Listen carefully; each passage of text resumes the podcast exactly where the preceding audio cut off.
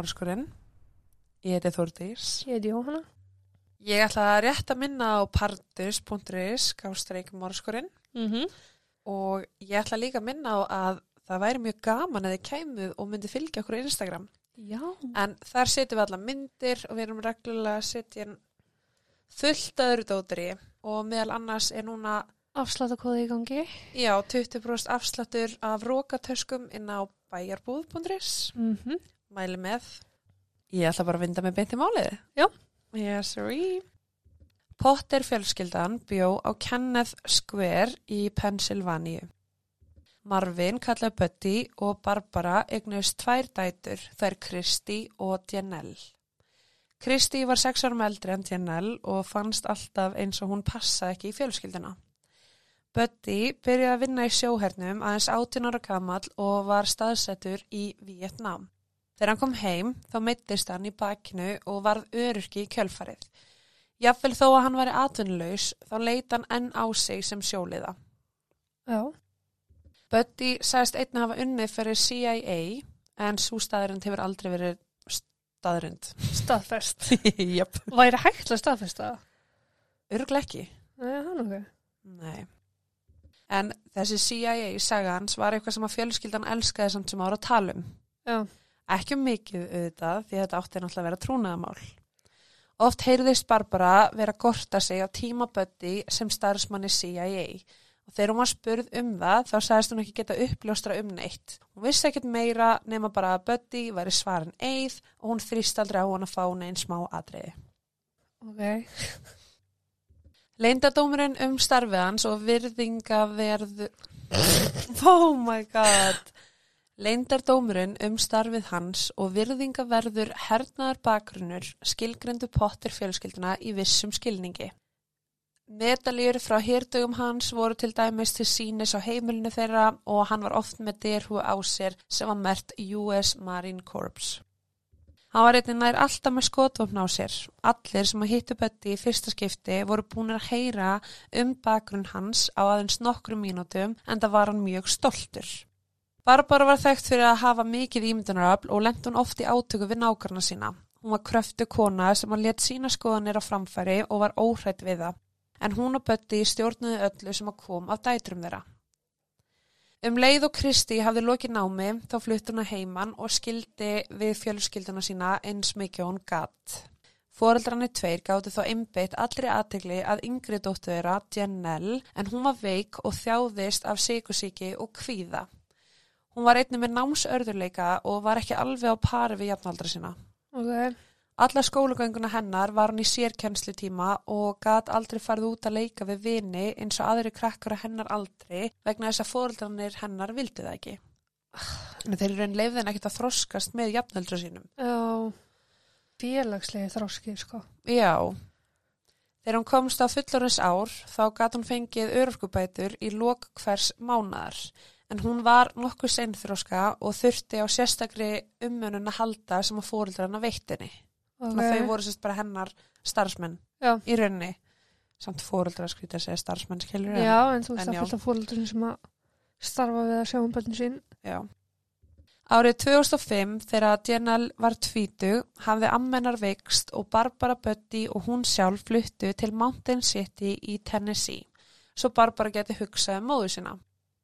Kristi varð eftir í Pennsylvania með eigimanni sínum. Mountain City er staðsett í norðaustu hluta Tennessee og þar búa um 2500 manns og þetta er svona bæð þar sem allir þekkjast, hafa alltaf tíma fyrir spjall. Já. Þú hittir einhvern veginn út í búð og það er bara gossipað. Uh -huh. Þetta er öryggur staður þar sem að enginn læsir heimilum sínum, nýja bílum og bara flestir treysta hvort öðru. Bæjabúar eru einnig mjög trúaðir og þeir finnst gaman að fara í kirkju og bara eru mjög dugleir við að tjá sig um hversu vinalegir allir heimann eru. Já. Og mikið gott að sjá því við sérst utan að komandi fólk. Mm. Bara hér eru við bara svo vinaleg og góð og allt þetta. Svolítið þessu Íslandingar að monta sig að því hvað við erum Já, lítil þjóð og eitthvað. og svo bara skotar og snerbæ. Tvær. Akkurat. Potters fjölskyldan kom sér fyrir á heimilinu þar sem að DNL skreyti herbyggi sitt svona eins og 11 ára börn myndi gera. Hvað voru þá gömul? 22 ára gömul. 22 ára með 11 ára Já. skreitt herbyggja eins og 11 ára. Mm Ok. Það voru mjúk leikfeng út um allt og bara svona veggspjöld. Birgitta Haugdala vegnum, Já, skiljum. já, já. Barbara og Betty fylgdust með henni en þar sem hún var með föllun þá þurfti hún ekki að vinna en það fekk hún örorkubætur. Já. Og þau voru ekkert að þrýsta á hana að vinna af því hún alltaf komin orðin 22 ára gömul. Já. Hún var heldur ekki með bílpróf og var því gjörsalega háð fóröldu sínum. Þau höfðu áhyggjur af velferð hennar og fylgdust með hverskins félagslegum samskiptum hún átti í. Ekki það var mikið áhyggjafni því hún fór aðalega heiman til að fara með þeim í búðuna, til læknis eða í apotek til að fylla á langvarandi lif. Mm. Heilsa Bötti var orðin svo slæm að hann þurfti að ganga með súrefniskút. Nú, Já, þá getur það kopar alltaf upp til þurru. að heilsan var svo orðan svona slæm. Já. Já, það sem þú segir. Nú, Já, ég veit að þess var ég bara eitthvað. Vegna þess hversu oft hún var í apotekinu þá kynntist hún ungri stúlku sem að vann þar að nafni Tracy Greenwell. Hún var vingjalleg, vinsæl og átti stóran hópa vinum og fjölskyldu sem að var í raun bara alltaf að hanga saman, en það lítið bæjarfélag. mm Tracy vorkendi Janelle þegar hún átti þessi á því að hún ætti enga vini en Janelle var náttúrulega bara mjög einangruð, bjó ennþá hjá fóröldur sinum og var að nálgast þrítusaldurinn. já. Hún var á þrítisaldri hún til tvekja. Já, já. Þegar Tracy bauðin að koma með sér í verslunarmiðstöðuna eða heim til hennar, þá varð hún hissa á því að fóruldrennar væru ekki banninu það en það varða vanin. Já, Janelle varð hluti af vinahópi Tracy og fann sér skyndilega að vera partur af einhverju og hún bara elskaði það. Á stað eins og Mountain City, þar sem ekki er mikið um að vera, þá elskar fólk samfélagsmiðla og Facebook og að vera á Facebook er bara eins og að hanga í verslunum miðstöðinni. Það, þú veist, já, á þessum tíma þá er þetta bara, þú veist, krakkar eru hættir að hittast einhver staðar og hanga saman. það Nú eru bara allir, já, bara á samfélagsmiðlum að tala saman. DNL eitti miklu tíma þar og sapnaði vinum daglega á síðuna sína. Hún elskaði þegar hún fekk vinabeinir sína samþyktar og í fyrsta skipti á æfinni þá fannst henni hún eiga vini sem voru náttúrulega bara Facebook-vinir. Fóreldra hennar fylgdurst mjög vel með Facebook síðunni hennar og vissu nákvæmlega hvað var að gerast í lífinar hverju sinni. Þau voru bara mjög passasöm en á sama tíma svolítið of mikið. Já, ég var um að hugsa um bara fríðhelgi hennar. Það? Já, það var ekki til. Nei, nei, ok. Nei. Þau hlustuðu meðal annars á símtölun hennar og þau vissu alltaf hvar hún var sem var alltaf próftast heima í tölvunni. En já, þau voru svolítið mikið að brjóta fyrir elgin annars. Já, Í gegnum Tracy hitti Janelle einni bróðurnar Bill Payne sem var mjög vingjallegur og mannblendin. Hann vann í þráðaverksmiðinu á staðnum og hafði byrjað að vinna þar strax eftir mentaskóla. þráða verksmiðinni. Threading Factory. Uh, já, já. Þráða verksmiðinni. Hver er að búa til orðu núna? Hvað viltu kalla þetta? Ég veit ekki um vef, vefiðnar verksmiðinni eða eitthvað. Já, já. Hann vann akkurat þar Já. og Tracy, sýstir hans, hún hafði líka verið nokkur skrýtnum störfum og þau sískinin bara ætluðu ekkert að yfirgefa Mountain City. Ok. Þau fóru bara beint á skóla, beint á vinnumarkaðin og ætluðu bara búa sér til líf þar. Já. Kaupa hús og bara allir pakkin. Bill var einni vinsæl og naut þess að djamma og drekka. Hann notaði einni verkjalif sem afþreyingalif eins og flestir vinnur hans og skiptust þeir reglulega á fíknefnum og stundum var sala í gangi. En ekki þannig að það myndi telja sem fíknefnasala. Já, ok. Þetta var bara svona skipting milli vina. Já. Setna, þegar hann var komin yfir þrítugt, áttaði hann sig á því að hann hafði ekki stjórn á fíknefna neyslunni sinni og leitaði sér aðstofar. Hann byrjaði að nota búprenorfín til að venja sig af þungumverkilegum. Ok. Bill kynntist kæristunni sinni Billie Jean í vinnunni, en hún var tvítug, alltaf glöð, alltaf brósandi. Hún var honum góð og vinur hans tóka eftir því að hann var byrjað að djamma minna og þar leindi var hann að hafa mjög góð áhrif á hann. Já. Hinn lífsglæði Bill var tilbúin til að koma sér fyrir í lífinu Einhvern veginn áttaði Janelle sig ekki á því hversu skuldbundin Bill var kæristu sinni. Í huga hennar voru dýpri tengst milli hennar og Bill. Já. Besta leiðin til að lýsa tilfinningunum hennar var að segja að hún væri mjög hrifin á hannum sem þýtti að hún hataði líka kærustan hans, Billie Jean Hayworth. Æ, æ. Mjög mikið að ég. Eftir að hafa verið félagslega einangruð mestan hluta æfisinnar var Janelle mun vanþróskari heldur en aðrir á hennar aldri. Þrátt fyrir að hún hafi verið tæplega þrítug þá hafði hún hugafar tíu ára stúlku. Einhliða tilfinningar hennar höfðu samt sem áður ekki áhrif á Bill og Billie Jean. Þeim var mjög alvara um samband sitt og Bill sá Janelle sem eina vinkonum systur hans og ekkert meira en það. Já. Billie Jean flutti inn til Bill og pappans og varð ólétt árið 2010. Í júli árið 2011 fættist þeim sonur Tyler. Þegar Jamie, frendi Tracy og Bill hitti Janelle þá fannst honum hún sætt smá barnaleg en honum líkaði vel við hana og það leiði ekki löngu þar til að þau byrjuðu saman en gerðu það í leini vegna þess að fóldrænar höfðu aldrei samþýtt þetta samband. Ok. Þannig að það er sko Tracy vinkunan úr aptekinu, Já. Bill bróðurnar. Bill bróðurnar er með Billie Jean og þauðabann og svo er Jamie frendi Tracy og Billy sem er nú byrjaður með, Janelle. já, Ok, ok. Jamie gaf henni síma svo þau geta á samskiptið saman á þess að fóldrarnar myndi fylgjast með þeim en hann var tölvi viðgera maður og hafði komið á Potter heimili til að gera við fjölskyldu tölvuna. Og í samanningu tókst þeim að sannfæra Buddy og Barbaru um að það væri eitthvað að tölvunni sem að þurfti stöðut viðhald og þau hefði ekki hugmyndum annað en að svo væri. Þau hefði ekkert vitað að dóttir væri í sambandi með Jamie og ef Nei. þau hefðu vitað þá hefðu aldrei hleyft honum inn á heimilið eins og ofta þau gerðu. Ok. En það var bara eitthvað, Channel kom og bara, herri, talvan er byluð, við erum að ringi Jamie. Og þau bara, ok, bara algjörlega grunnlaus. mjög steikt. Janelle var mjög vandræðileg típa.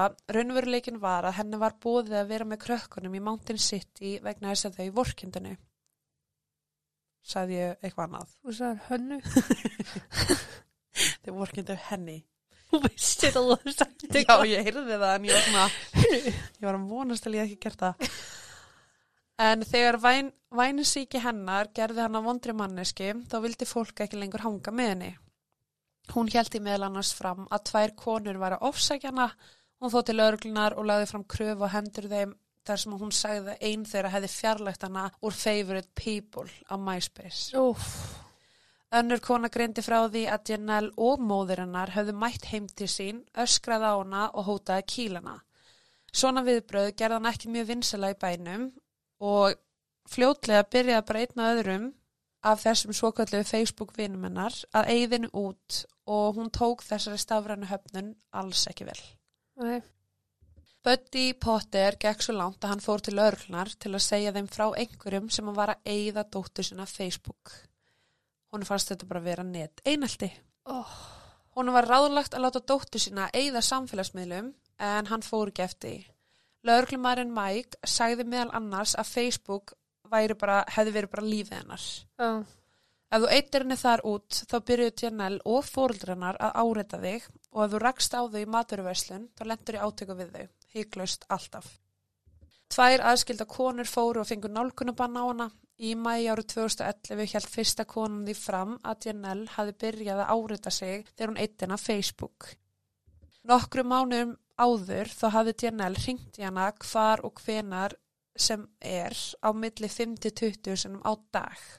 Sist, að því hún eitt hennar Facebook. Já. Í sama mánuði kom önnur kona fram og fullirti nákvæmlega sömu hegðun. Á minnstakosti hafði Janelle ennþá Jamie í lífi sínu en hún var allan tíman hrifin af Billy og fylgdist vel með hreyfingunum hans. Hún hataði Billy Jean og fylgdist einni vel með henni. Hún var mjög opinn með tilfinningarna sínar gagvar þeim og byrti meira að segja á Facebook að hún óskaði þess að barnið þeirra myndi deyja og þar með gekk hún allt of langt. Já. Bill gerði það sem hann hefði líklega átt að gera fyrir löngu eða kannski ekki yfir höfuð en hann eitt hennar Facebook og Billie Jean fylgdi í kjölfarið. Þau voru ungir fóreldrar og höfðu engan áhuga á, á deilum við ykkur eins og Janelle. Þau vildu bara leggja þetta á bak við sig og halda áfram með lífsitt. Janelle sagði fóreldri sinu frá því að nafnlausir Facebook-nótendur væri að leggja henni einelti, hóta nöðgunni hóta ofbeldi og sögðu að hún væri allt of falleg til að lifa. Uh, Já, hún var fórnalamb neteinaldis. Mammenar, Barbara, greip inn í með því að byrta fæsla á Facebook fyrir hönd hennar þar sem hún bað fólk vinsalast ekki um að skrifa svona ljóta hluti til hennar.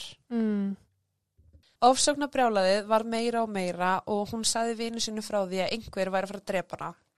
Henni fannst þess að hún væri stöðut undir árás og ringdi meðal annars í laurugluna þegar manneska í fluttningabíl sem átti leið hjá kastaði grjóti að húsi fóreldrannar.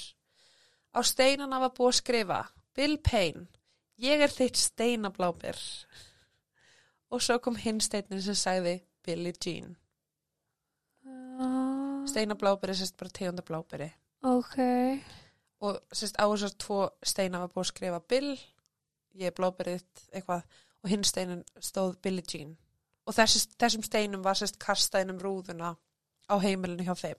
ok, Þegar maður held að hlutir geta ekki orðið skrýtnari fyrir hana, þá fekk móðurinn að tölvupóst frá einhverjum Chris. Hann sagðist vera gamall skólavinnur Janelle og sagði að hann væri ekkill, hann elskaði hunda og var bara að tala um einhverja alls konar tilgangslösa staðröndur um sjálfan sig. mm, Það endaði með vináttu þeirra á milli, sem sagt Chris og mömmunar já, og Chris fór í raun bara að kalla Barbara mömmu. Og Barbara kallaði sömulegis Chris són sinn. Og þetta var bara eitthvað gegn tölvupost.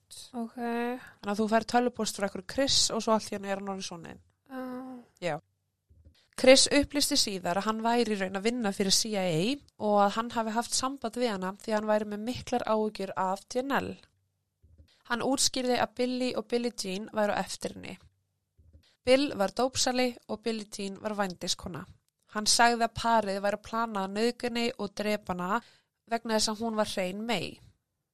En auðvitað var ekkit að þessu satt, en það Nei. bara Barbara sem var að byrja að treysta Chris, Já. trúði hverju einasta orði. Rétt fyrir klukkan 5 á morgni þann 31. janúar árið 2012 sendi Janelle kærastanum sínum Jamie SMS þar sem hún sagði hann er að fara núna, ég heyri bílnum, ég elska þig, sendu skilaboð ASAP þegar hún kemur tilbaka. Á heimili Payne fjölskyldunar fór Bill eldri snemma á fætur til að fara að vinna. Hann sá Billie Jean stuttlega þar sem hún var að útbúa pela fyrir litla Tyler. Rétt eftir að hann yfirgað heimilið um 5.30 þá gengur Buddy og Jamie inn á heimilið og fremdur fræðilegan verknað. Buddy gekk inn í söfnherbyggið þar sem að Bill var sofandi og skaut hann í höfuðið. Billie Jean kom hlaupat út á gangin öskrandi. Fyrstu eðliskvöt hennar var að hlaupa til Tyler til að venda hann frá byssumanninum. Hún fór í herbyggið hans og tók hann upp úr vöggunni sinni. Það var þá sem að Buddy fann hana og án þess að hika þá skaut hann hana þar sem hún hjælt á barninu sinu. oh, Jamie stóð í hurðinni og var vittni af öllum atbyrðunum. Buddy rétti Jamie síðan hníf og sagði hann um að skera Bill á háls til að tryggja að hann væri ekki lengur á lífi. Eftir að því var lokið þá tók Buddy vopnin og hanskana og þeir fóru gegnum rennihurðina aftan og skildu Tyler eftir óskattaðan. ok, Óskattaðan ekki, hann er samt í fanginu á móðurinu og þú drefur, Já. þú veist, er ekki lægi. ángríns, Líkt og aðra daga þá byrtist vinnufélagi Bill Bratt heima hjá honum vegna þess að þeir ók alltaf saman í vinnuna. já, Hann fór inn um rennihurðina þar sem að Bill var ekki nú, enn komin út í bíl. Hann kallaði á hann en fekk ekkert svar og hjælt að Bill væri mögulega bara farin í vinnuna ánans og það hafi verið eitthvað miskilningur í gangi með að sækja hann þannan morgunin. uh, Svo hann fór bara af stað og spáði ekkert meira í það. Um klukkan 10.30 morgunin kom Rói, nágranni þeirra, til að sækja póstinn og fekk heldur ekkert svar. Hann gekk inn og sá Bill sem að svara honum ekki. Hann gekk nær og snerti handleikin hans og sá svo hvað var í gangi. Hann átti þessi strax á því að hann væri látin. Hann var í áfalli eftir að hafa fundið lík vina sinna og eiginkona hans, Linda, ringdi strax í neyðalínuna. Um leið og lauruglan fekk tilkynningu um tvöfalt morð þá letu þeir Tennessee Bureau of Investigation mhm, vita. Morð er ekki algeng í smábæjum og sérstaklega ekki þessum og þau þurftu því aðstóð af því þeir náttúrulega bara höfðinga þekkingu á því að Já. rannsaka svona mál.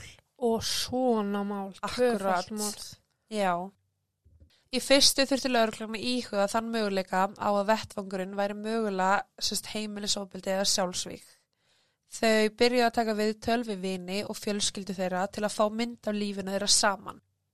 Frá upphafi vissur rannsakadur að þetta er ekki vennilegt mormál og því að glæpa vettvangurinn gaf engar vísbendingar og það verður ekkert sem að fannst á staðnum. Þeir líka bara lappa inn, skjóta, skjóta, skera út. Já, Já. og skilja batni eftir. Krupning leiti í raun ekkert í ljós annað en að þetta voru tveir ungir fóreldrar sem voru skotin til bana á eigin heimili. Rannsakandi frá TBI sagði meðal annars að það þarf einhvern rosalega kaldan einstakling til að skjóta mannesku sem heldur á barni. Góður, já. Í þessum litla bæ eins og Mountain City, þar sem allir þekki alla, tók það lögregluna ekki langan tíma að komast að vandamálnum millir Bill, Billie Jean og Janelle. Vini þeirra sögðu lögreglu frá Facebook-deilinu þeirra í hver skipti sem að lögreglan spurði hvort þau höfðu átt einhverja óvinni, þá fenguðu svarið Janelle Potters og sögð, sögðu þeim að Janelle hafi áriðt þau á samfélagsmiðlum í rúmt ár. Eitt vinur þeirra myndist svo á að frændi hans, Jamie, væri að deyta Janelle og væri líklega bara góð manneskja til að fara og yfirheyra. Já. Hann hafði nýlega lent í útistöðum við Bill út af kæristunni sinni. Linda, nákvæmni þeirra, sem hafði hringt í neðalínuna, vann í sjoppin á staðnum og segði þeim frá því að hún hefði orðið vittna átökum millir Potter maðgnana, sérst Barber og Janelle, og Billie Jean nokkur mánum áður. En Billie Jean var sérst að dæla bensinni þegar þær nálguðist hana og byrjuði hana. Þegar Linda nálgaðist þær þá ókvæður burtu. Billie Jean grét og sagði Lindu að þetta mun aldrei hætta. Það eru stöðut að fylgjast með henni hvar sem hún er og kalla hana óhæfa móður. Já. Lörglann fór að tala við Potters fjölskylduna á heimili þeirra og þau fulli, fullirtu að áreitnin hafi komið frá Bill og Billie Jean og að Janelle var í fórtalambið. Þau viðkendu að það hafi verið spenna þar milli en neitið að hafa eitthvað með þetta að gera. Fjölskyldan var mjög kristintrúið og mjög íhalsum hvað var það gildi og lögurlan taldi að það væri ekki neitt meira til í því. Þrátt fyrir net einaldi þá töldu þeir að það væri ekki næg ástæða fyrir þau til að myrða eitthvað. Þau myndu aldrei leggja í þetta sérst, út af ykkur Facebook deilum. Nei, við sem vantalega ekki af tölvupústunum frá. Akkurat. Já. Að auki var Bötti ekki í góðu formi því að hann notaði súrefnistank vegna lélærar hilsu og það var bara ekkert sem að bendi til þess að þau hafi nokkuð með þetta að gera. Hendurnar hans virka full vel, sko. Jep. Sex klukkustundum eftir að líkin fundust og eftir heimsók til Potters fjölskyldunar það ákvað lauruglan að fá Jamie niður á lauruglustöð og fá viknisspurðin hans. Hann stóð 100% með Janelle í þessu og tók ekki málstað frænda síns sem var nú látin. Hann sagði samt sem áður frá því að Bill væri eða hefði verið honum eins og bróðir en honum fannst aðgerið hans gegn kæristunni sinni vera rángar. Talaðu um hann sem kæristunum sína. Sem sagt Jamie Já. og Janelle. Já, talaði Jamie um Janelle sem kæristunum sína við lauruglu. Já. Ok. Og það var alveg bróðumbert, þau voru saman. Ok, ok. Hann neitaði að hafa eitthvað með morðin að gera. Hann samtíkt að fara í lígapróf sem hann fjall á en síðasta spurningin var, veistu hver draf Bill og Billie Jean? Hann sagði nei en það var augljóst að hann var að ljúa. Lörgland var því viss um að hann vissi eitthvað og vildi yfirheyra hann aftur. Út frá spurningum sínum til hans þá gerði þeir ráð fyrir því að Jamie hafi hugsalega verið viðstættur þegar morðið var framið og hann vissi líklegast hver gerði þetta. Já. Þeir töldu hins vegar að hann væri ekki sá sem að tók í gikkin. Jamie spurði rannsakendur hvort CIA var viðstætt lauruglustöðuna og þeim fannst þessi spurning mjög undarleg en heldu að Jamie væri bara að reyna að leiða huga þeirra annað. Já. Í huga hans fannst honum að hann og Buddy væri að vinna að fyrirmælum CIA Oh, og að lauruglan þyrfti að tala við Chris til að fá Auðvitað. hann til að staðfesta atbyrjuna sem hann leiti til morðana. hann er náttúrulega jafn heila þau en og... Í 100%. Lauruglan var ringluð og sagði hann að það væri engin á vegum CIA á staðnum og þrýstu á hann til að fá frekar upplýsingar. Þeir samferðu hann um að ringja í Potters fjölskylduna og taka upp símtalið. Það var Barbara sem að svaraði og hann var létt að heyra að honum hafi verið sleft. Sem var alltaf bara lígi. Já. Barbara segir and they just let you go. Og Jamie segir yeah. Og hún segir and the lie detector test you passed. Hann segir yeah. Hún segir well that's wonderful. We've been praying our hearts out. Janelle even saw an angel today. Come in the computer room Dararara. svo held ég bara áfram að spjalla Já. Hún gaf síðar síman til Buddy sem vildi vita hvort allt var í lægi. Jamie sagði að fólk var að benda fingrum og Buddy sagði Pointing fingers, Jiminy Christmas. Jamie var kvattur af rannsakandum til að draga fram eins miklar upplýsingar og mögulegt var. Svo hann sagði Já, ég vildi bara, þú veist, ringja og uh, bara uh, þú losaði þig við allt sem var frá Bill, er það ekki? Og Buddy svaraði, aha. Jamie sagði þá, ok, gott, það læti mig líða betur. Þá sagði Buddy, they ain't got no reason to point no fingers at you or nothing. Because Jiminy Christmas, all the shit Bill was in. I've heard more stuff about gangs and things there in the last few days and stuff that he was involved in in Johnson City.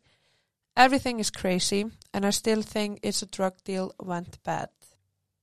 Byggt á svari Buddy við spurningu Jamie sem að vísa til þess hvort hann hafi fargað sönnagögnunum sem að tengd hann við Bill að þá handtók lögreglan hann á heimilinu sínu klukkan 02.30 morgunin eftir. Þetta var rosalegt happ og glapp þar sem að þeir höfðu ekki neina sannanir gegn honum fyrir morðið og bara yfirheyra hann og reyna að skilja hvers vegna hann hafi gert þetta. Já. Buddy kom að loka með sögu um að það hefði verið 3000 dólar að bánti á DNL. Fyrir þá sem vita ekki hvað bánti er, Já. að þá er raun bara ég set 3000 dólar á Jóhannu og sá sem að drefur Jóhannu kemur mín. Þetta er bara Fær. fyrir. Já, fyrir þann sem að drefur manneskina. Headhunters. Já, nema náttúrulega líka bánti getur náttúrulega líka verið á lífi. Já. En trúlegast ekki þessu Nei, tilveiki sem hann er að tala um. Akkurat. Hann sagðist þurfa vendana og hjælti fram að Barbara og Janelle höfðu ekki hugmyndum hvað hann hefði gert.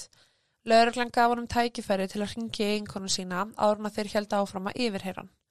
Þeir tóku upp símtalið þar sem hann sagði Barbaru að það var hann sem að draf Bill og Billy Jean. Barbara sagði að hann hafi verið þvingar til að segja þetta og lögreglan sé að pressa á hann að játa eitthvað sem hann gerði ekki. Hún held áfram að segja að hann væri ekki segur, svona eins og hann var þjálfan í að trúa því sjálfur. Já. Hún notaði sömu setninguna aftur og aftur og sagði not guilty, not guilty, not guilty. Hún sagði meira að segja að hún geti ábyrst það að hann var heima allar nóttina. Hún er sérst bara búa til fjárvistarsönnun í símanum sem að lauruglan er væntalega að hlusta á. Já. Þetta voru mjög undarleg viðbröð ef hún vissi ekkert um málið ef eiginmaður ringir í eiginkonu sína frá lauruglustöðinni til að segja henni að hann hafi myrt tvö ungmenni á hróttalan hátt þá yrðu viðbröðin líklega skelving og áfall. En þau voru það aldeilis ekki hjá Barbaru.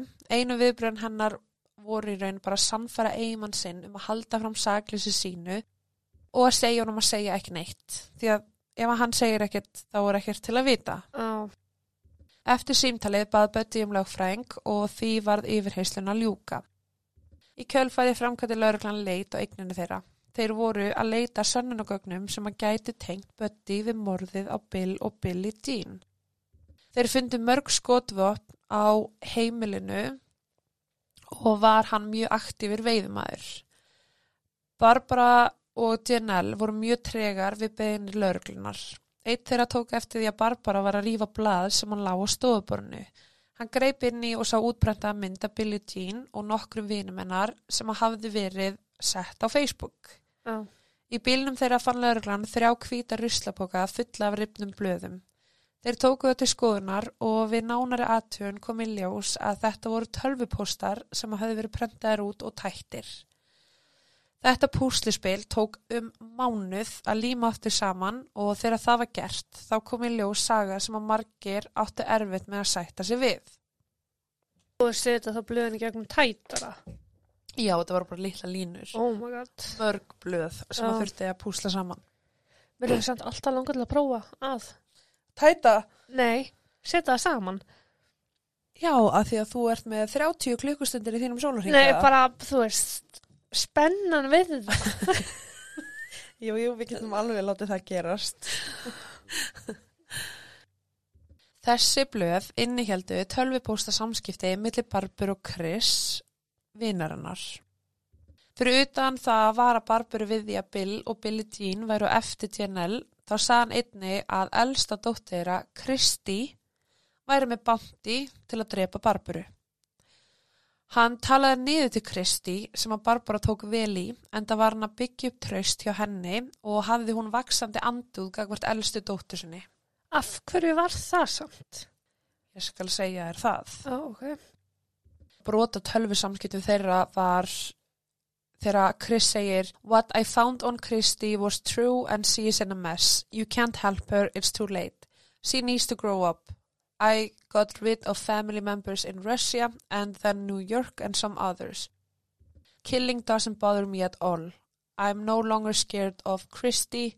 I can kill her at any time. I just might. I hope that God understands my job and I'm still believing in him. Tölvupóstanir voru fullir af stafsendingavillum og undarlegri nótkunn á merkjum sem var mjög líkt í hvernig Janelle með Mhm. námsörðuleika skrifaði. Maður myndi ímynda sér að Chris, sem var starfsmæður CIA, myndi hafa betri þekkingu á stafsendingu en þetta og myndi vera nákvæmari þegar hann skrifaði slík bref. Barbara hins vegar var handviss um að á bakvið tölvupóstana væri vinur hennar Chris, Mr. CSI Guy, og var hann að venda fjölskylduna hennar frá öllu ítlu, jafnvel frá Kristi. Áður fyrr hafði myndast svo mikið ósamlindi millir þeirra maðgna að Kristi fekk nálgunabann gegn sinni eigin móður. Á þeim tíma hafði hún skilið við eigimann sinn og flutt til ömmu sinnar í Mountain City. Já. Kristi og amma hennar höfðu alltaf verið mjög nánar og hún vildi frekar búa hjá henni heldur en fóldru sínum. Þegar amma hennar var flutt á sjúkrahús sögum aldar, Aldurs. já, þá sagði Kristi að restina fjölskyldunarinnar hafi farið á heimilið og hótað henni. Það var annarskipti þegar Barbara reyndi að fá Kristi í handtekna fyrir að vera að keira um með bílnúmeraplötu frá Pennsylvania á meðan hún bjó í Tennessee. Það er sérst bannað. Það var bara Patty. Já, þú veist, bara, það er svo litli hlutir sko. Já. En það var bara engin ást á millera og Chris kveikti í eldinu með hverjum tölupósti fyrir sig sem að gerði Barbara fórnalambi og gaf henni meira tilfinningalegt skotfæri til að nota gegn Kristi. Já. Margir tölvupóstanir beindust að áráspill og Billie Jean á Janelle. Sumir tölvupóstana fóru yfir ítalega fíknefna neyslu Bill og þá staðurinn að hann var einnig að selja þau. Sannleikur var sá að hann seldi samt sem aður aldrei eiturlif og hann var hættur að nota verkilegjun eftir að sonur hans fættist. Já, bara, Búin að taka maður. sig á. Já. Já. hann hafði meira sér hætt að reykja eftir að Tyler fættist þar sem hann vildi ekki reykja í kringu batnið sitt Já. og var bara að sína allt aðra hegðun heldur en hvernig hann var nokkrum árum áður. mm. Þannig að þegar þessi tölvupóstar fóru að berast, þá voru ásakanirnar á hendur Bill bara algjörlega ástæðuleysu. Það var ekkert. Lögreglan vissi að eitthvað var ekki eins og átt að vera. Þeir ákveðu að reykja tölvupóstanans Chris og fundu IP-töluna sem sannaði að allir tölvupóstanir voru sendir frá heimilinu. Mm. Sérfrængar staðfyrstu einni að röng málnótkun var í samrami við rítætti Janelle. Hún var með námsörleika og stafsendingin hennar var alveg einstök og þar með gátir samrænt skrif hætti Janelle og Chris og það leiti til handtöku á þuðurnar. Barbara átti mjög erfitt með að trúa þessu, henni fannst rítátturinn kunnulegur en hún tengdi það ekki saman. Fyrir henni var Chris sonurinn sem hún átti aldrei. Janelle var meðvitið um þá staðrind að móður hennar var mjög hrifin að CSI sögum föðu síns svo hún vissi nákvæmlega hvernig hún átt að nálgast hana og fá hana til að treysta sér. Sú staðrind að Buddy fannst það ekki grunnsalegt og fjall einni fyrir þessu vekur upp spurningar hvort hann hafi nokkuð tíman verið tengdur CSI eins og hann held fram. Hann hljómar ekki nógu vel gefin Alls ekki, sko. til að starfa við eitthvað svona. Þannig ég leiði mér að efast. Já, því að það eru allir að jafast. Hvað var það til NL? Þá var Chris í raun bara allt er egoð hennar. Hann var lindadómsfyllur maður sem að draf vonandi kallana. Hann var giftur sinni sönnu ást en hún lést. DNL gekk svo langt að halda í fram að Chris hafði fæðist á sama sjúkrósi og DNL sama dag með aðeins nokkra mínútna millibili. Það er aðteglisvert hún valdi nafni Chris þar sem að sýsternar hétt Kristi. Ó, Tölvupóstanir sína nákvæmlega hversu myrkur og trublaður hugurinn hann var en á bak við barnalega ljúleikan lindist bara mjög stjórnsamt skrimsli. mhm, Aðteglisvert er að tölvupóstanir frá Chris byrjuði á sama tíma og Billie Jean flutti inn til Billy og þau trúlöfuðu sig. Janelle faldi sig á bak við Chris og gætt sagt allt sem hún vildi segja. Barbara var í raun catfist af sinni eigin dóttur með sömu tölvu. Hún fekk fóruldra sína til að trúa því að líf hennar var í hættu. Hún vissi að Barbara myndi segja Buddy frá samskiptu sínum við CIA Chris og var mjög líklega viðstödd þegar þær samræður átt sér stað. Tölvupóstanir leiti ljós að það var hugmynd Barbaru að byggja Jamie um að aðstofa Buddy að drepa Bill og Billie Jean og þar voru nægar sannanir til að handtaka Barbaru og DNL líka og voru þær báðar ákjörðar fyrir morð af fyrstu gráðu og samsæri til að fremja morð. já. Ég fíla þetta samsæri til að fremja morð Já, vingil á málum. algjörlega.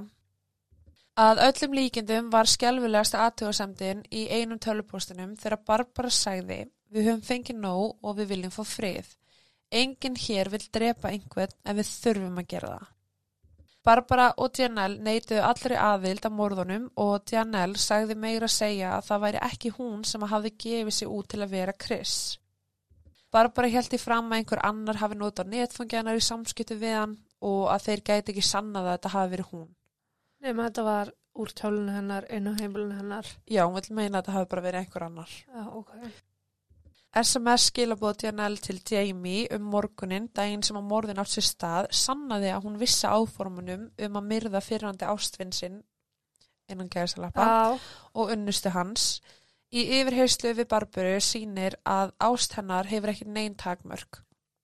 Þegar hún er spurð hvort hún teldi dóttur sína vera seka, þá sagði hún að hún vissi það ekki og vonar ekki. Hún elskar hana en hún ætlar sko aldeilis ekki að fara í fangelsi út af henni. ok. Fyrstu til að mæta fyrir rétt var Buddy í oktober árið 2013. Margir íbúar Mountain City báru vittnum ógnandi hegðun Buddy á árunum fyrir morðin. Hver skipti sem einhver fór yfir striki með Janelle þá var sko honum að mæta.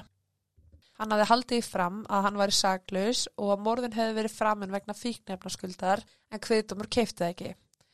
Það tók þó aðeins þrjá tíma að finna Buddy sekan fyrir morð og var refsing hans tveir lífstegðadómar. Þá kom einnig í ljós að Buddy hafði verið dæmdur árið 2004 fyrir að búa til staðrindir um þjónustu sína í Vietnam stríðinu. Já, Hann hefði sínt fólki metalíur sem að hann hafði ekki fengið sjálfur og hann var ekki þessi stríðshetja sem hann sagðist vera.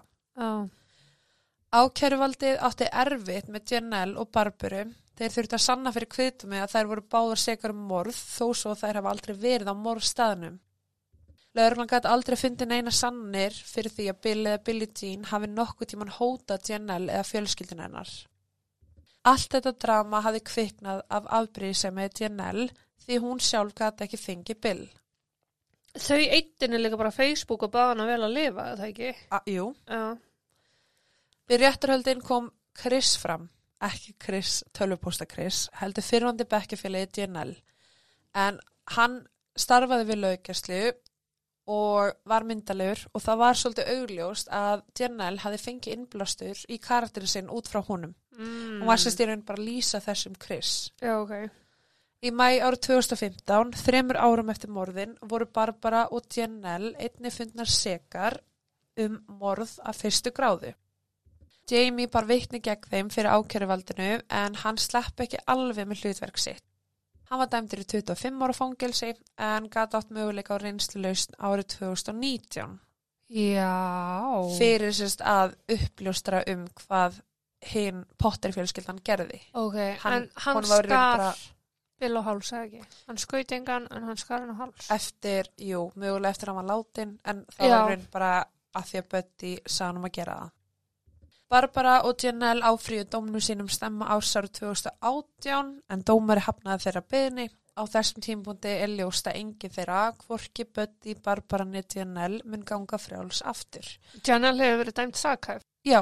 Já. Sonur Bill og Billie Jean, hann Tyler, er tæplega 10 ára og er í umsjá annara fjölskyldumæðlema.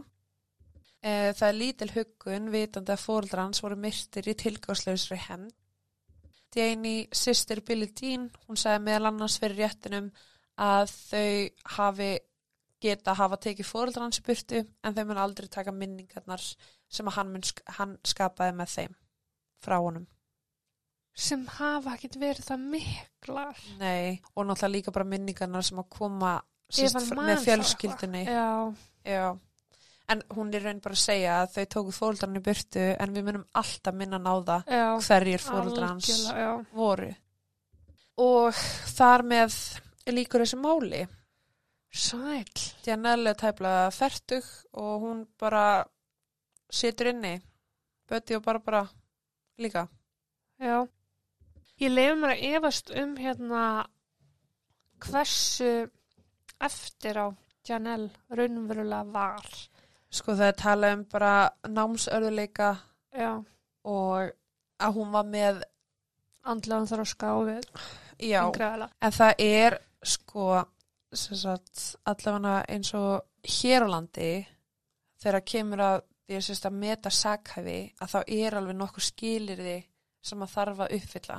Já, þannig að aldur skilirði og það þarf að vera, þú veist, eitthvað til staðar til dæmis bara eins og eitthvað geðrænt sakhæfi já. að þú sért með eitthvað, með eitthvað svona sjúkdóm, Sem geðsjúkdóm hefur áhrif á dómgreindina eina. Já, en það er samt hérna, þú veist, þegar að vera að tala um eins og andluðu vannþróski sem Já. að er kannski fyttar við general Mm -hmm. að eins og hérlendis að þá þarf maður að vera með greindavístölu sem er 55-60 stig Já, uh, til að sérst, flokkast undir þetta ekki bara greindavístölan þannig að hún er lögð til hliðsjónar við ásamt öðru. Akkurat. en, en þá að vera að tala um bara þú veist þennan vannþróska sem er bara varlegt ástand.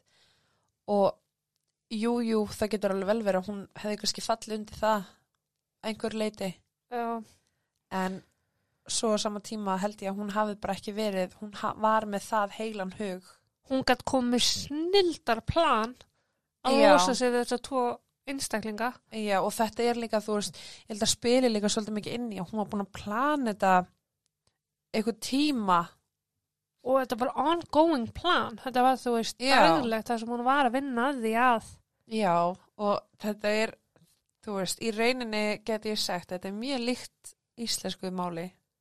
Nú, þar sem að maður var drepin í hafnafyrir, stungin á heimilisinu já, að það var sérst vera að meta sakhafi hjá þeim einstakling og í rauninni þar sem að komi ljós er að vegna þess að sá einstaklingur var búin að plana þetta aftur í tíman og bara held áfram með ætlunarverk sitt að þar alveg var hann dæmdur sakhafur já, ok.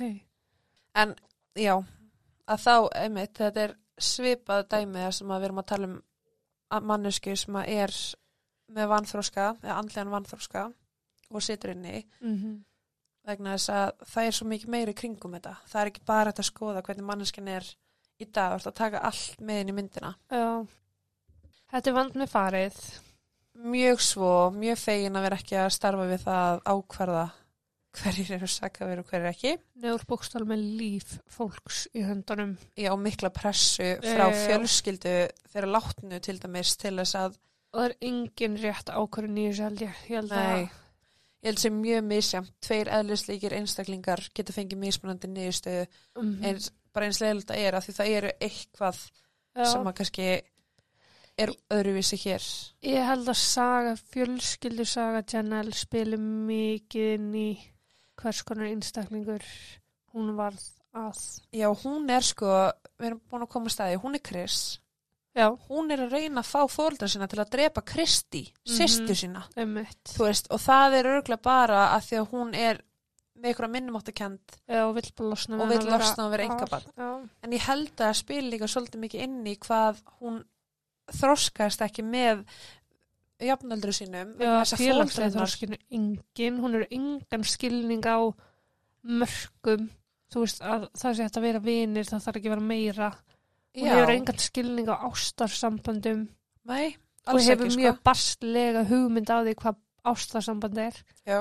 þannig að þar kemur klála þessi vannþróski í ljós. Uh en Nei og Æ, líka bara, þú veist, sýsternar fekk bara eignast eigimann, flutt inn með honum, bara lífið le leik við hana. Já, og hún í raun, eins leilegt að er, þá situr hún uppi með fóldra sinna, situr först með þeim já, og þeir að hlusta á símtölunar. Og það er örgulega búið að koma upp, skilur, að hún kannski er að segja eitthvað í síman sem að hún ákast ekki að vera að segja mm, og hún fær skammir. Þú veist, og eins með þetta, Jamie gæti ekki eins og komið heim til hennar. Jamie var bara tölvið við gera maðurinn, já, sko. akkurat, það segir halva söguna, sko. Já, Stelpun hafa ekki mátt eiga vini. nei, og hún var alveg komin á þrítursaldur þarna, sko. Já, þess vegna, sko. Sko, já. Pössum upp á börnun okkar. En ekki ómikið. Nei, en þú veist, þetta er svona þú, við þurfum ekki alltaf að standa upp fyrir börnunum okkar. Við getum hjálpað þeim að standa upp fyrir sjálfu sér. Ég veist líka bara að leifa þeim að taka feilspor. Já, fyrir utan það, sko. Shit, hvað ég áttur að eiga erfitt með það samt. Þú veist, Skiljanlega, ég held að allir eiga erfitt með það, en þú veist, ef að börn taka ekki feilspor og læra því sjálf, Já, þeir fá ekki eins og tækifæri, sko. að þá, þú veist, Ég er mjög fegin öllum þeim feilsporum sem ég hef tekið gegnum liðið, sko. Mjög fegin að mamma og pappi neitu að grípa mig ofta tíðum bara því ég sama lærði hér, á því, sko. á, nákvæmlega.